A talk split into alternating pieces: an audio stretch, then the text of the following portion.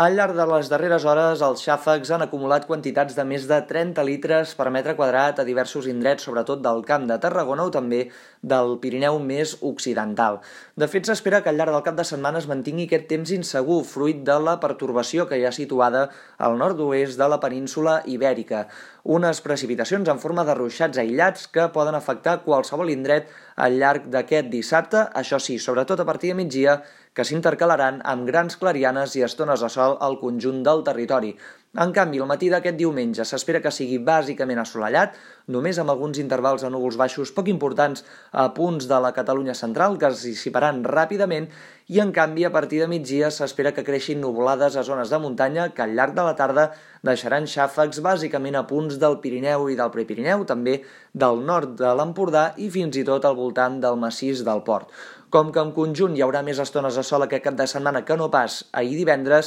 s'espera que la temperatura màxima tendeixi a recuperar-se al conjunt del territori, amb valors, això sí, que amb prou feines arribaran als 28 o 29 graus allà on més arribin a pujar. El temps insegur es mantindrà també de cara a l'inici de la setmana vinent, fins i tot dimarts, amb un augment de la inestabilitat i amb uns ruixats que podrien ser més extensos i més intensos. Amb tot, caldrà estar pendents de l'evolució del canvi de temps que podria arribar, sobretot de cara a mitjans i finals de la setmana entrant, amb l'entrada de vent de component nord que podria fer baixar notablement la temperatura al conjunt del territori.